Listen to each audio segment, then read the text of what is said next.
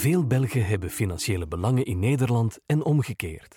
Om op hetzelfde inkomen geen tweemaal te worden belast, bestaan er dubbelbelastingverdragen. België en Nederland hebben net een nieuw verdrag officieel ondertekend, waarin ze afspraken maken omtrent welk land in de toekomst welke inkomsten zal mogen belasten. In deze podcast bespreken we kort de belangrijkste wijzigingen en vooral aandachtspunten ten opzichte van de huidige situatie. U hoort Koen Morbé in gesprek met Griet van den Abelen en Rick Smet, alle drie advocaat bij Tibergij Advocaten. Podcast Tibergij. Wat is eigenlijk een dubbelbelastingverdrag? Een dubbelbelastingverdrag is een verdrag dat zich richt op dubbele belasting. Men wil dubbele belasting vermijden. Nu wil men ook recentelijk veel meer de nadruk leggen op dubbele niet-belasting vermijden. Waarom hebben we nu dubbele belasting? Dubbele belasting komt eigenlijk voort uit het feit dat staten, in dit geval België en Nederland, elk vrij zijn om te kiezen wat men gaat belasten. Zolang er maar één of andere link is met het land, kan dat land overgaan tot belasting. Bijvoorbeeld België, maar ook andere landen, belasten hun rijksinwoners op hun wereldwijde inkomen. Dus ook hun inkomen afkomstig uit bijvoorbeeld Nederland. België, maar ook Nederland, belasten dan inkomsten die afkomstig zijn uit dat land van buitenlanders ook. Dus een Belg die inkomen ontvangt uit Nederland, kan zowel in België als in Nederland belasting moeten betalen. Dat is natuurlijk niet fantastisch of niet ideaal, omdat we dan met dubbele belasting zitten. En daarom spreken staten met elkaar af in welke hypothese de ene staat of de andere staat effectief tot belasting kan overgaan en het andere land moet zich dan onthouden van belasting of een krediet geven voor in het andere land betaalde belasting. Zo kom je in principe in een situatie terecht waarin het inkomen of vermogen slechts één keer wordt belast. En die afspraken legt men dus vast in een dubbelbelastingverdrag. Maar die dubbelbelastingverdragen kunnen natuurlijk soms redelijk oud zijn en een verdrag uit de 20e eeuw is bijvoorbeeld niet meer in overeenstemming met de huidige standaarden en de huidige gedigitaliseerde wereld. Regels die gemaakt zijn voor een zogenaamde brick-and-mortar-economie zijn niet noodzakelijk toegespitst op de huidige Facebook-wereld. En daarom sluit men nu nieuwe verdragen af om de oude te vervangen. Ik begrijp dat zo'n verdrag onderhandeld wordt op basis van een model. Dus wordt niet echt alles opnieuw onderhandeld. Men start eigenlijk van iets wat al in het verleden was overeengekomen. Is dat verdrag dat we nu hebben, dat nieuwe verdrag, is dat zo fundamenteel afwijkend van de regels die bestonden onder dat oude verdrag? Het huidige verdrag met Nederland is ondertekend in 2001, dus is ruim 20 jaar oud. En huidige standaarden naar internationaal recht zijn wel iets anders. Daarom is het inderdaad zo dat het oude verdrag en het nieuwe verdrag behoorlijk wat wijzigingen vertonen. Dus er zijn wel een heel, een, een heel aantal nieuwigheden vast te stellen, maar het is ook zo dat een aantal jaar geleden men op internationaal vlak afspraken heeft gemaakt om alle, of mogelijk alle oude verdragen aan te passen aan de nieuwe standaarden. En België en Nederland hebben sinds vorig jaar hun oude verdrag ook onder die regels geplaatst, waardoor er al een aantal van de nieuwigheden die nu in het nieuwe verdrag zitten, eigenlijk al van toepassing zijn onder het oude verdrag ook. Nu is het misschien wel nuttig om op te merken ook dat het nieuwe verdrag is dan wel ondertekend en dat wil nog niet zeggen dat het al in werking is. Dus we gaan moeten wachten tot in Nederland en in België alle instemmingsprocedures afgerond zijn en het verdrag geratificeerd is, vooraleer het in werking kan treden. En dat kan in België wel wat duren, heb ik begrepen. Dat kan in België wel een tijdje duren. Zo hebben wij bijvoorbeeld ondertekende verdragen die tien jaar oud zijn, die nog altijd niet in werking getreden zijn en die, nog, en die waarschijnlijk nooit in werking zullen treden. We hebben ook bijvoorbeeld het nieuwe Franse verdrag, het nieuwe verdrag met Frankrijk, dat een, een 60 jaar oud verdrag vervangt. Dat is ondertekend ondertussen ook al anderhalf jaar geleden. En we hebben nog altijd geen zicht op wanneer het effectief in werking zal treden. Dus het is niet zo dat dit nieuwe verdrag met Nederland per definitie vanaf inkomstenjaar 2024 al in werking zal treden. Maar wat is de verwachting dan? Het zou kunnen dat dat vanaf 1 januari 2025 is, maar dat is uh, speculeren. Bijvoorbeeld het meest recente verdrag of het verdrag met China. Daar hebben we ongeveer vijf jaar op moeten wachten tussen ondertekening en in werkingtreding. We hopen natuurlijk dat dit misschien iets sneller kan gaan of iets vlotter kan gaan, maar dat is koffiedik kijken. Rick heeft net verteld dat zo'n verdrag altijd uh, een bepaald schema uh, volgt. Bepaalde inkomsten worden geviseerd in zo'n verdrag. Welk land, welke inkomsten mag belasten. Dat schema is niet fundamenteel anders in dit nieuwe verdrag dan onder het oude verdrag. Maar je moet altijd natuurlijk wel concreet gaan kijken over welk inkomen het gaat om te weten wat er nu concreet voor die eh, betrokken begunstigden verandert. En wat zijn dan volgens jou de meest in de oog springende veranderingen ten aanzien van het huidige verdrag? Wel, het eerste dat in het oog springt, dat is dat eigenlijk het oude verdrag niet alleen betrekking had op inkomstenbelastingen, maar ook op vermogensbelastingen. Nu, Nederland heeft zijn vermogensbelasting al een hele tijd geleden afgeschaft en wij kennen ook geen echte globale vermogensbelasting. Dus je zou denken, oh, dat is eigenlijk niet zo speciaal.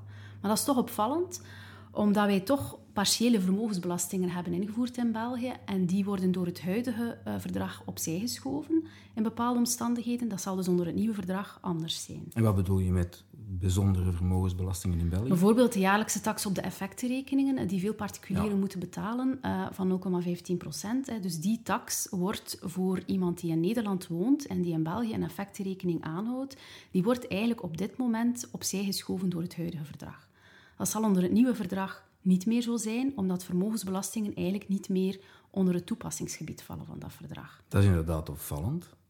En gaat, die nieuwe, gaat men daar dan in de toekomst iets aan wijzigen of gaat dat zo blijven? Wel, op dit moment hebben de, eigenlijk de beide landen gesteld dat ze opnieuw zullen onderhandelen als beide landen een algemene vermogensbelasting gaan invoeren. Dus bijvoorbeeld een algemene vermogensbelasting die het volledige vermogen treft, ja, dat zou dan in bepaalde omstandigheden tot dubbele heffing kunnen leiden. En in die omstandigheden zal men dan opnieuw uh, gaan onderhandelen daarover. Dat is eigenlijk wat er nu in het uh, protocol bij het verdrag uh, vermeld staat. Dus dat is een voorzet die wordt gegeven door de verdragsonderhandelaars voor de toekomstige regering. Wie zal het zeggen? Zijn er nog punten die dat uh, wel, opvallen? Er zijn een aantal andere uh, zaken ook die wel opvallen. Hè. Dus er wordt een vrij uitgebreide regeling uitgewerkt voor Nederlanders die naar België immigreren. Uh, dat houdt verband met het feit dat Nederland een soort exitheffing kent. En wij kennen dat niet, de Nederlanders kennen dat wel.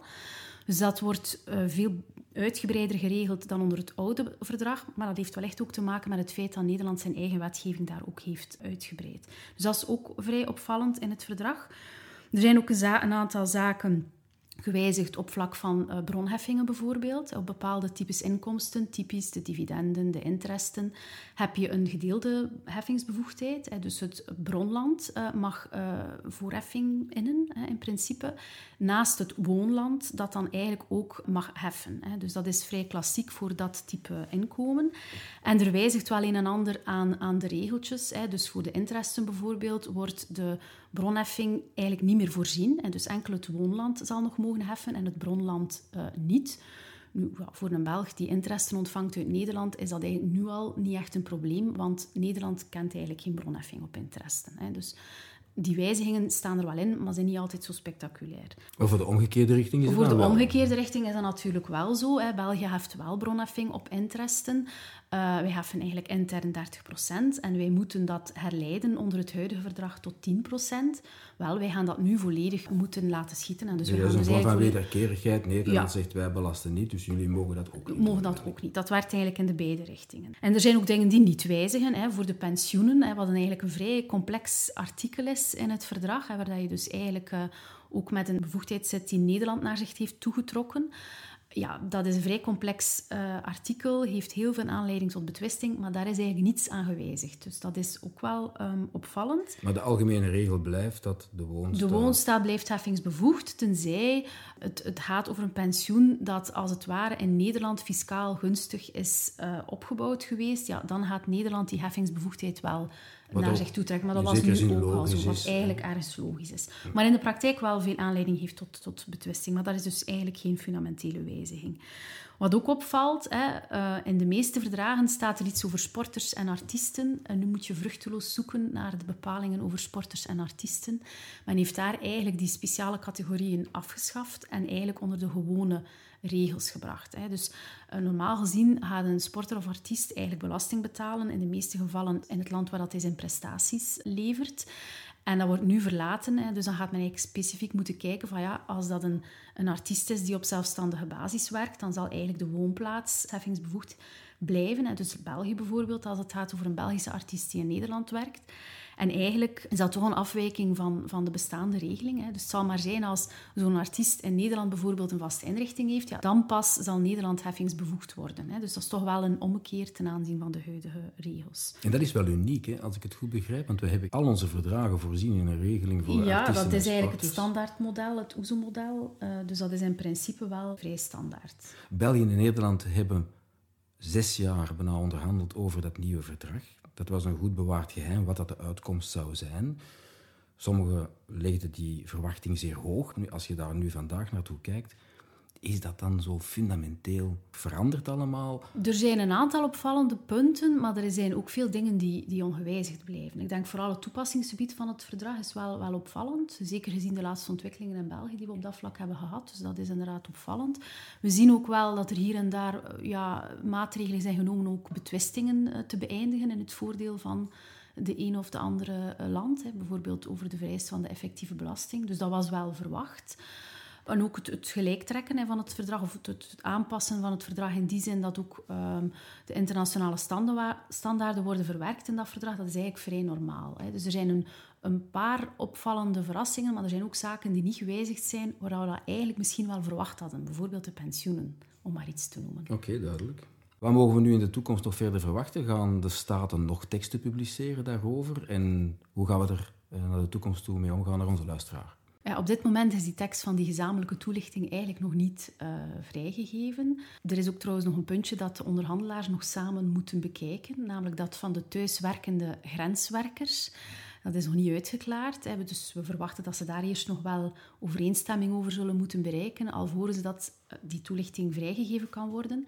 En verwachten eigenlijk ook dat die toelichting zal mee ingeschreven worden in de voorbereidende werkzaamheden bij de goedkeuringswetten, zodanig dat dat ook mee als context van het verdrag uh, kan gelden. En dat is ook belangrijk om latere discussies over de toepassing van het verdrag eigenlijk te vermijden. Ja, dat hebben we in het verleden niet gedaan. En dan waren en dan leidt dat inderdaad, die zeiden ja. van kijk, dat is niet bindend. En nu wil men dat eigenlijk bindend maken door dat op te nemen. Door dat op die manier eigenlijk op te Voorbereidende lossen. werken op te nemen. Ja, dat klopt.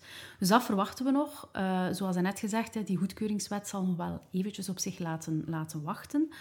Maar ondertussen gaan wij natuurlijk verder met het meer in detail bestuderen van het verdrag. En wij gaan uh, dan ook verschillende nieuwsbrieven um, uitsturen. U kan zich daarop abonneren, zodanig dat u op de hoogte blijft van alle relevante input daarover. In september kan u van ons een seminarie verwachten over uh, dit onderwerp. En u zult op de hoogte worden gehouden als u zich inschrijft op onze nieuwsbrieven over dit verdrag.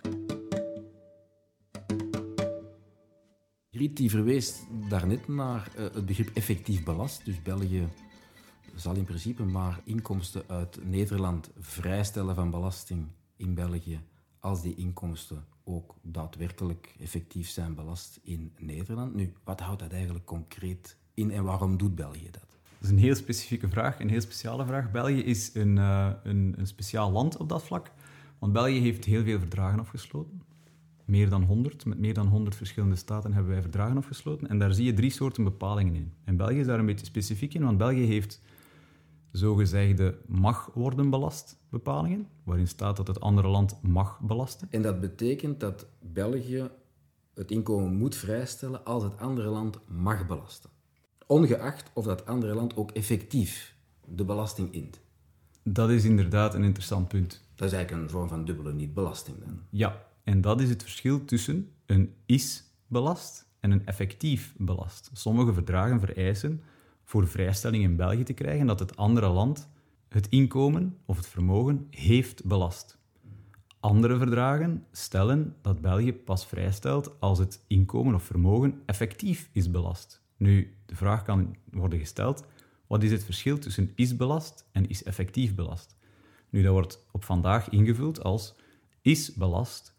Een inkomen dat is belast, is in het andere land aan belasting onderworpen, maar het kan daar ook worden vrijgesteld. Zoals bij ons bijvoorbeeld sommige meerwaarden op aandelen. Die zijn belastbaar, maar die worden vrijgesteld. En dus daar zit je met een bijzonderheid die relatief specifiek is voor België. Weinig andere landen hebben dat.